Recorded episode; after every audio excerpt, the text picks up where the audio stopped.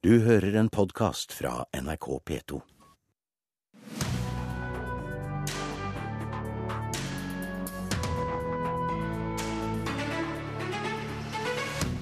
Kulturministeren bør sette grenser for NRK, mener Schibsted-direktør når allmennkringkastingsmeldingen kommer i dag. Politiet maner fansen til ro før One Direction-konsert i kveld. 25 norske tidsskrifter blir gratis tilgjengelig når Morgenbladet lanserer nye nettsider. Og Fredagspanelet samles i Kulturnytt. I Nyhetsmorgen i NRK. De kommersielle mediehusene håper på begrensninger for NRK når kulturministeren legger frem stortingsmeldingen om allmennkringkasting senere i dag. Schibsted-direktøren mener NRK bør ligge unna områder der de kommersielle allerede er sterke, som på internett. Men kringkastingssjef Tor Gjermund Eriksen er ikke bekymret. Selvsagt så er vi jo eh, spente og forventningsfulle. Kringkastingssjef Tor Gjermund Eriksen ser fram til at allmennkringkastermeldinga blir lagt fram i dag. Siden arbeidet med meldinga ble satt i gang, har Kulturdepartementet bestilt rapporter og arrangert innspillsmøter. Samtidig har debatten gått om hva rolle NRK skal spille i det norske medielandskapet. Men Eriksen mener dette viser hvor viktig det er med en sterk allmennkringkaster. Den preges jo selvsagt av at vi er inne i en tid hvor eh, mediebransjen, teknologien, medievanene og ikke minst den globale konkurransen er voldsom og økende. I et sånt bilde så vil jo jeg hevde at det er viktig å ha en samlende allmennkringkaster for å ta vare på norsk språk, eh, kultur, demokrati. Konsernsjef i Skipsted Norge og styreleder i Mediebedriftenes Landsforening, Didrik Munch, er også spent på meldinga i dag, som han mener vil ha stor innvirkning på hele Medie-Norge. NRK er jo den største medievirksomheten i Norge. Det er klart at Hvordan de agerer er jo eh, ekstremt viktig for, eh, for, eh, for, mediepolitikken i Norge. Han er kritisk til at NRK har bevega seg inn på det han mener er de kommersielle mediehusene sine jaktmarker, og at t.d. nrk.no kan gjøre det vanskeligere for aviser å ta seg betalt på nett. Selv om han ikke tror at meldinga blir særlig konkret, så håper han likevel på at det skal komme enkelte avgrensninger for hva NRK skal gjøre som sagt så er jeg opptatt av at NRK eh, eh, skal utvikle seg videre, men at de må få et tydelig oppdrag for å, å, å, å, ivareta mediemangfoldet i Norge. Og I det ligger det også at de kanskje ikke bør konsentrere kreftene sine fullt helt om å, konkurrere skulder til skulder mot uh, kommersielle aktører der uh, de feltene er dekket godt. Kringkastingssjef Tor Gjermund Eriksen er ikke redd for at det skal komme en avgrensing. Han mener det er stor forståing for at NRK også er på nett og mobil. Jeg har egentlig vært overrasket over at det ikke er flere, som, at det er ganske få. Da. Det er stor forståelse for at en allmennkringkaster for å være allmenn må være på nye plattformer. Ja, hvorfor må vi være der? Jo, fordi at publikum er der.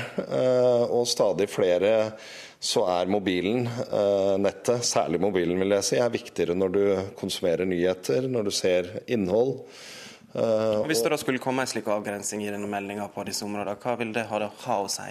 Nei, Det vil jo gjøre at en allmennkringkaster som oss forvitrer over tid og blir mindre og mindre viktig. Eh, og at vi overlater mer spillerom til store globale aktører sa Tor Gjermund Eriksen, kringkastingssjef. Vi har også vært i kontakt med TV 2, som ikke ønsker å uttale seg før allmennkringkastingsmeldingen blir lagt frem. Det skjer eh, klokken tolv i dag, og da kan vi følge kulturministeren som legger frem stortingsmeldingen både på nrk.no og NRK1 på TV. Reportere her Lars Ivar Nordahl og Espen Alnes. Agnes Moxnes, kulturkommentator, TV 2 vil ikke si noe ennå, men hva venter du meldingen vil si om TV 2? Ja, det vi vet er at det har vært mange og kompliserte møter mellom kulturministeren og TV 2. Eh, det er jo et politisk ønske om at man skal ha en allmennkringkaster ved siden av NRK, som produserer bl.a. nyheter. Så det store spørsmålet er jo hvordan TV 2 skal kompenseres.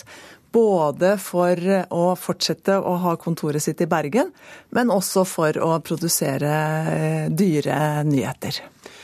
Et politisk spørsmål har jo vært TV-lisensen. Vil den forandres, noe som har skjedd i andre land? Det var slik at Da regjeringen ble dannet, så ble, i regjeringsplattformen så står det at lisensen eller alternative betalingsordninger skulle behandles i denne kommende stortingsmeldingen, som da kommer i dag. Det kommer ikke til å skje. Måten NRK skal finansieres på, den er tatt ut av denne stortingsmeldingen. Og det kommer til å bli satt ned et utvalg som skal jobbe videre med det. Muligens er mandatet til denne gruppen i den meldingen som kommer i dag. Så hva vil regjeringspartiet Fremskrittspartiet få igjennom i meldingen, tror du? Ja, Fremskrittspartiet er jo ikke noe glad for denne, denne meldingen. De har jo et sterkt ønske om å begrense NRKs eh, virksomhet. Men selv om meldingen i utgangspunktet er positive til at NRK skal få utvikle seg på alle plattformer, også de digitale, så er jo det store og avgjørende spørsmålet for NRK om de får ressurser nok til at man også i fortsettelsen kan være en stor og aktiv nasjonal fellesarena. Og i det spørsmålet, altså om finansiering av NRK, så kommer nok Fremskrittspartiets stemme til å la seg høre. I reportasjen hørte vi eh, konsernsjefen i det store mediehuset Schibsted, eh, men som også er styreleder i Mediebedriftenes Landsforening, si at NRK må få begrensninger, slik at de ikke skal konkurrere der de kommersielle aktørene gjør det godt allerede. Hva tenker han på, og hva vil han kunne håpe på? Ja, dette har jo vært det store og kompliserte temaet i mange år. Altså om eh, NRK opptrer på en måte som svekker de andre mediehusene, og at NRK dermed er med på å ødelegge mediemangfoldet. Eh, så vidt jeg skjønner, så er denne Altså medieutviklingen går jo så utrolig kjapt. Og, men så vidt vi skjønner, så gir altså denne meldingen NRK frihet til å tilpasse seg de kravene som kommer både fra og utfordringene som både kommer fra andre mediehus, men også fra politikere i årene fremover. Og det, denne, denne endringsvilligheten som, som, NRK sier at de, er, at de, skal legge seg på en endringsvillig linje, den har vist seg da den siste tiden med at NRK har gått ut av samarbeidet med Turistforeningen i nettstedet ut.no, og at man har fått andre regler for hvordan man skal sitere andre mediehus eh, eksklusive nyheter, bl.a. Agnes Moxnes, takk skal du ha. Meldingen om allmennkringkasting kommer altså klokken tolv i dag, og, og, vi sender det på NRK1 og på NRK2 eh, NRK.no, mente jeg selvfølgelig, på internett.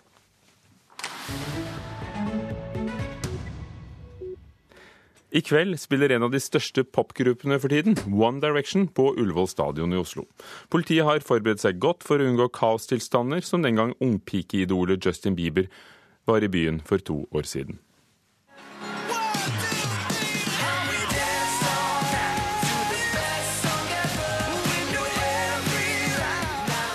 Oslo får besøk av verdens største boyband i dag. Britisk-irske One Direction, et produkt av TV-programmet X-Faktor i 2010. Etter det har de angivelig solgt 46 millioner album og skaper vanvittige tilstander blant hylende tenåringsjenter. Over 30 000 av dem er venta i hovedstaden i dag, forteller politioverbetjent Lars Njøsen. Det spesielle her er jo at vi kom over 30 000 eh, hovedsakelig jenter 80 eh, er jenter mellom 12 til 20 år. Og i kategorien som jeg kanskje vil si eh, skrikepublikum, da, som gjør, eh, gjør mye og kanskje alt for å på en måte komme nærmest idolene sine. Da. Herregud, For tre år siden fikk Oslo-politiet trøbbel da tenåringsidolet Justin Bieber holdt en uanmeldt konsert på Operataket i Bjørvika. What's up, Oslo? 49 personer ble skadd i kaoset som oppsto da tusenvis av jenter kjempa om å få komme nærmest sitt idol. I dag er det venta kamp om autografer, klem og kyss fra denne gjengen.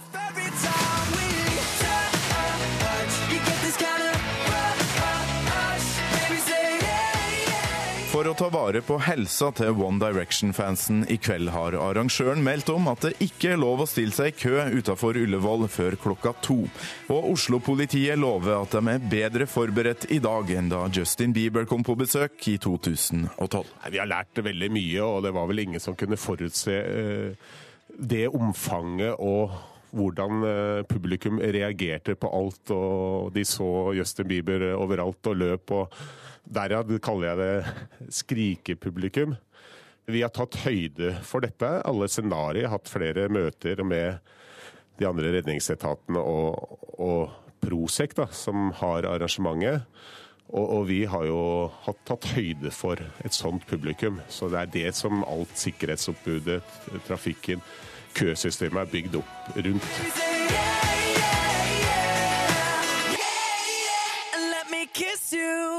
Og før One Direction-låten 'Kiss You' hørte vi politioverbetjent Lars Njøsen. Reporter var Torkil Thorsvik.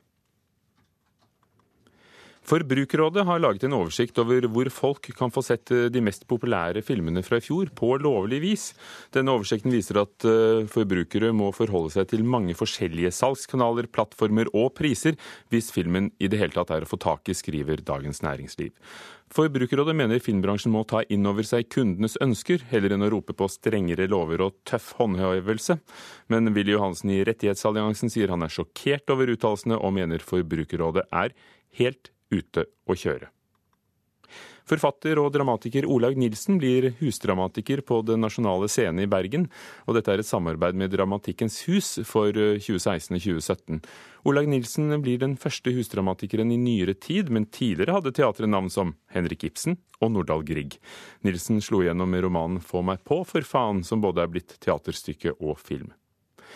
Den 1000 år gamle bautasteinen i Steigen i Nordland som ble meid ned og ødelagt for to år siden, lar seg ikke reparere. Det er konklusjonen fra arkeologene i Nordland fylkeskommune. For et år siden ble den seks meter høye bautasteinen ødelagt av en kantryddemaskin fra Mesta. Nå er det bestemt at steinen skal bli liggende der den er, men at den kanskje eh, kan få en kopi som skal stå der steinen en gang sto. En ny nettportal skal gi folk lesestoff fra 25 forskjellige tidsskrifter, og det er Morgenbladet som lanserer sine nye sider, med halvannen million kroner i støtte fra stiftelsen Fritt Ord. Og dermed får folk også lese artikler fra blader som Minerva, Prosa og Matmagasinet Nord. Anna B. Jensen, ansvarlig redaktør i Morgenbladet. Hvorfor vil dere ha med dere andre når dere skulle ha nye nettsider? Da, vi tenkte at um, hva er det som gjør Morgenbladet til en bra avis på papir? Jo, det er på en måte at du kommer over ting du ikke visste at du var interessert i. Det er jo det som er det fine med en eh, papiravis. Og så tenkte vi hvis vi skal gjenskape på en måte den følelsen på nett, lage en, hva skal si, en møteplass for ideer, så må vi gjøre noe annet enn bare å, å ta med oss papiraviser og gjøre den bedre. Så vi tenkte vi ville utvide det rommet og utvide den offentligheten som de tidsskriftene treffer. La flere ta del i det mangfoldet som finnes der. Men Gjelder det også de nyeste artiklene fra dere og de andre, eller er det bare arkivene? Må vi stadig Nei, betale for de nyeste? Også. I dag eh, så ligger det ute bl.a. En, upublis en upublisert artikkel fra Vinduet. Den kommer ut i august. Så det er meningen at det skal være det nyeste og litt arkivmateriale. Er dere ikke engstelige for å undergrave nettopp argumentet for å gå og kjøpe et blad, eller eh, Morgenbladet? Nei, det tror jeg ikke. Det, jeg tenker man må ha nok tro på sitt eget innhold og deres innhold til at eh, det lever, selv om man får noen smakebiter. Så det er jeg ikke redd for. TED Talks er et fenomen fra USA som har slått an. Filmede foredrag som ligger fritt tilgjengelig. Det er noe dere tar mål av dere å lage i en norsk utgave. Hvorfor? Nei, vi tenker Det foregår så mye bra ute på den pratescenen eh, rundt omkring i eh, hele landet. Og der samme, der tror jeg også at folk har lyst til å gå og se det, men de har ikke nødvendigvis anledning. Og hvis det finnes et sted hvor man enkelt kan gå inn og se hva var det siste som skjedde denne uka, eller jeg tenker, eh, skulle gjerne sett at Dag Solstad snakket om det, så kan de søke og finne det. Men det kommer først i høsten. Takk. Sjefredaktør i, i Morgenbladet, Anna B. Jensen. Du blir stående litt til, for vi skal utvide vår pratescene, som du kalte, med Fredagspanelet. Men først overskriftene fra Nyhetsmorgen, for klokken er blitt 17 minutter over åtte. I dag er toppsaken at justis- og beredskapsminister Anders Anundsen åpner for at luftambulansen skal kunne frakte politimannskap til ulike steder. Luftambulansen mener dette strider mot alle prinsipper. Og det blir regjeringsskifte i Danmark etter at den blå blokken fikk flertall ved valget i natt.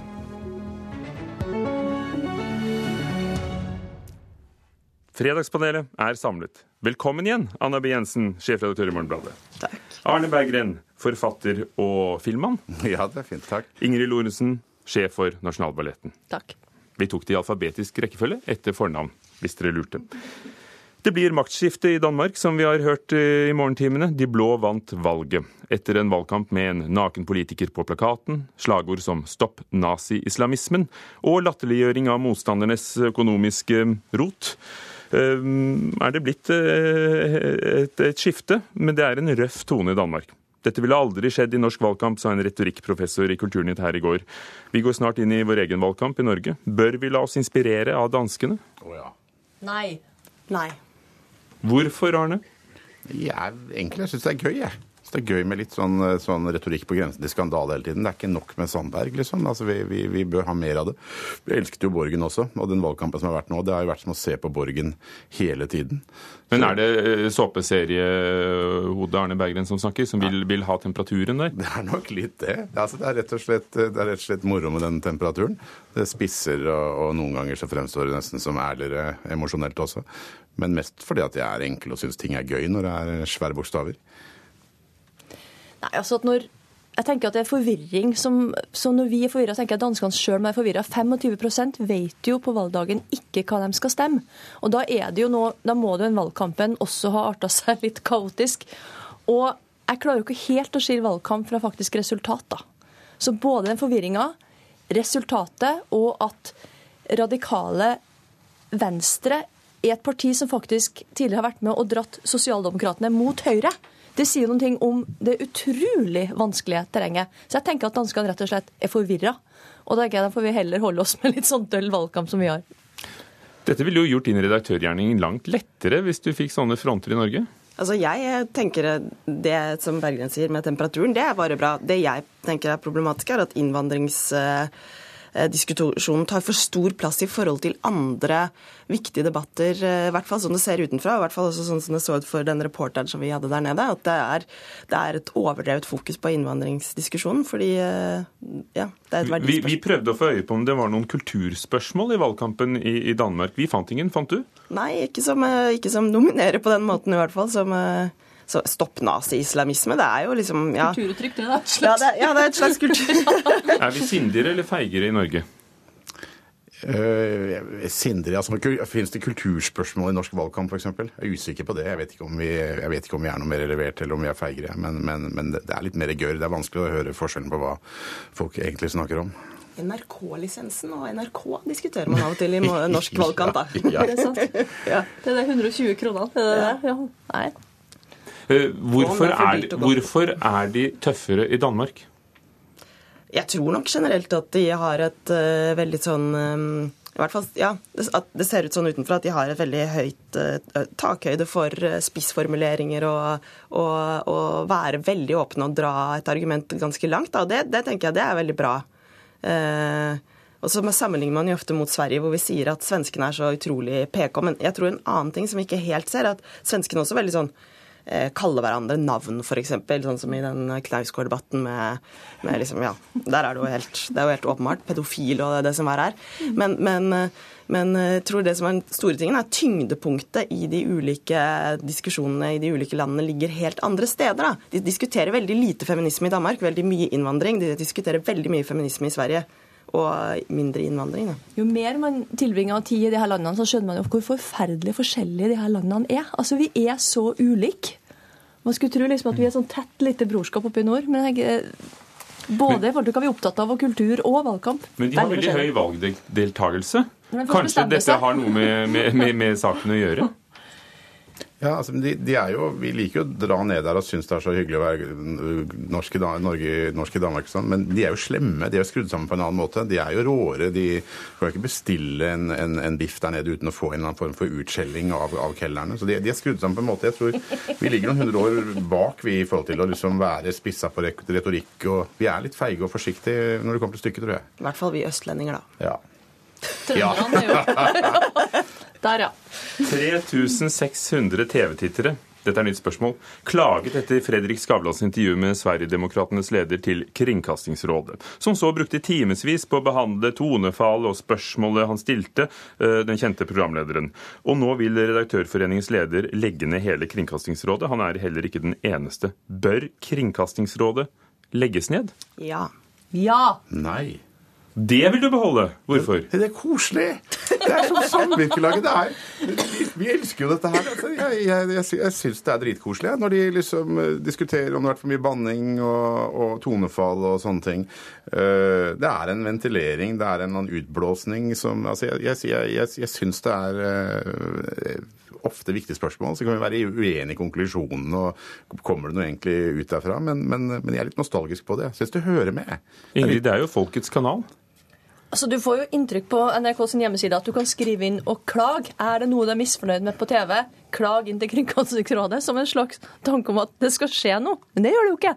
Det skjer jo absolutt ingenting. Så selv NRK er med på å forvirre. Jeg syns jo at, det, at eh, måten det er satt sammen på, eh, ligner mer på regimer som ikke vi kan helt kjenne oss igjen i. Både, det handler om uavhengighet og redaktørens og kringkasters uavhengighet, tenker jeg. Hvis man skal være litt sånn alvorlig på det.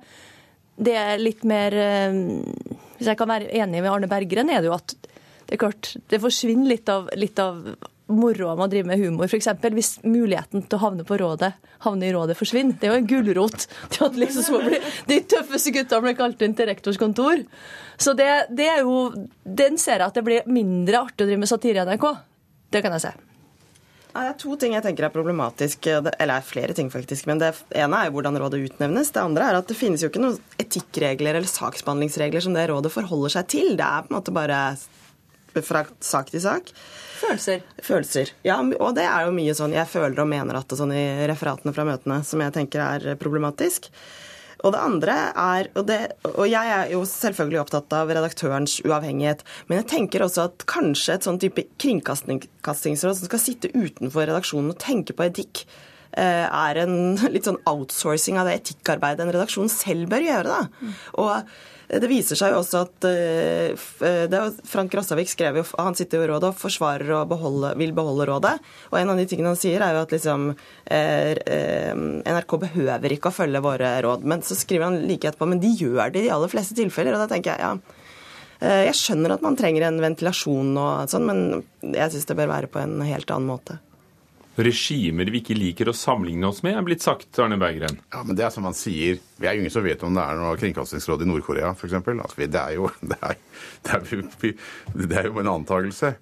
Uh... Men, men, det finnes jo andre land som, som har denne typen råd, altså Sverige og England. altså dem liker vi da å sammenligne oss med. Ja, det vil ikke å sammenligne oss med. Tenk, det, er jo, det er jo hvis man skal se ordentlig på det som faktisk er, at partisekretær i et regjeringsparti sitter i Kringkastingsrådet for den statseide TV-stasjonen. Og hvis du tar bort at det koselige Kringkastingsrådet, det er da jeg mener at det ligner på hvor, hvor klager de hvis de blir støtt av, av nakenhet i, på ballettscenen f.eks.? Hvor klager de da? Altså, du kan klage Altså, jeg foreslår jo at du tar klagen direkte til billettluka. Nei da. Eh, det, folk klager til den de treffer, og veldig mange både skryt og velger også å klage til ballettsjefen, hvis det er noe de blir støtt av. Hmm. Denne uken så lanserte jo du Nasjonalballetten Ung, et eget kompani med ti unge dansere. Eh, og eh, vi skal nettopp snakke om ung og gammel, for skuespiller Helen Mirren, den engelske nesten grand old dam, sa denne uken at det er skandaløst og latterlig at 37 år gamle Maggie Gyllenhaal ble ansett som for gammel til å spille kjæresten til en 55 år gammel mann i en Hollywood-film. Er det latterlig av Hollywood å sette sammen eldre menn og yngre damer? Ja. Pass. Eh, ja.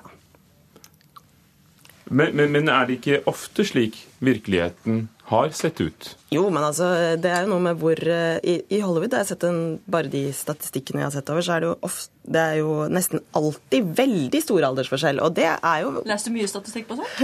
ja, plutselig så dukker det opp på Facebook den ene statistikken etter den andre når folk har blitt eh, hisset seg opp. men men, eh, men, jeg tenker at eh, Og da leste jeg, tenkte jeg hva er den reelle, hva er det vanligste? Det vanligste er at 50% selvfølgelig er sånn mannen er litt eldre, par år eldre. Det er det vanlige. Men det er jo nesten forfriskende i en Hollywood-film når man ser en mann som bare er sånn cirka like gammel som dama. Det er jo veldig, veldig ofte det er sånn 20, 20 års aldersforskjell. Hvordan gjør du det når du skriver, skriver manus, Arne Berggren? Du alltid trekker fra 25 på dama. Altså på nei. Ja, du spøker, men det er da sånn?